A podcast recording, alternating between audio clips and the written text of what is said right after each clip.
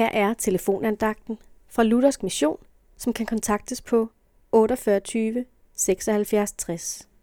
Andagtsholderen i dag er Flemming Brun. For vi har ikke en øverste præst, der ikke kan have medfølelse med vores skrøbeligheder, men en, der er blevet fristet i alle ting, ligesom vi, dog uden synd. Lad os altså med frimodighed træde frem for nådens trone, for at vi kan få om hjertighed og finde noget til hjælp i rette tid.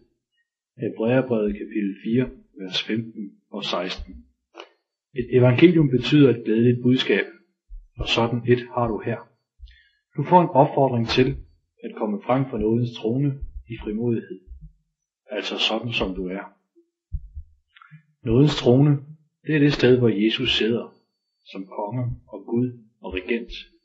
En trone er forbeholdt regenter. Det er altså ham, du kan og må henvende dig til, kongen over alle konger.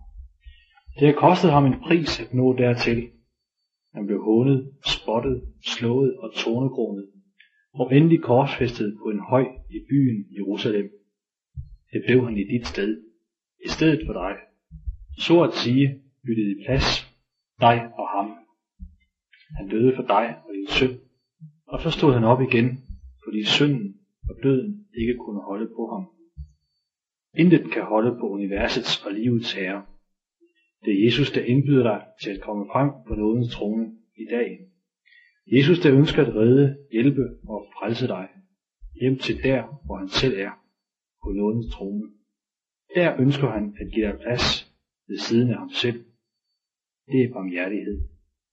Amen.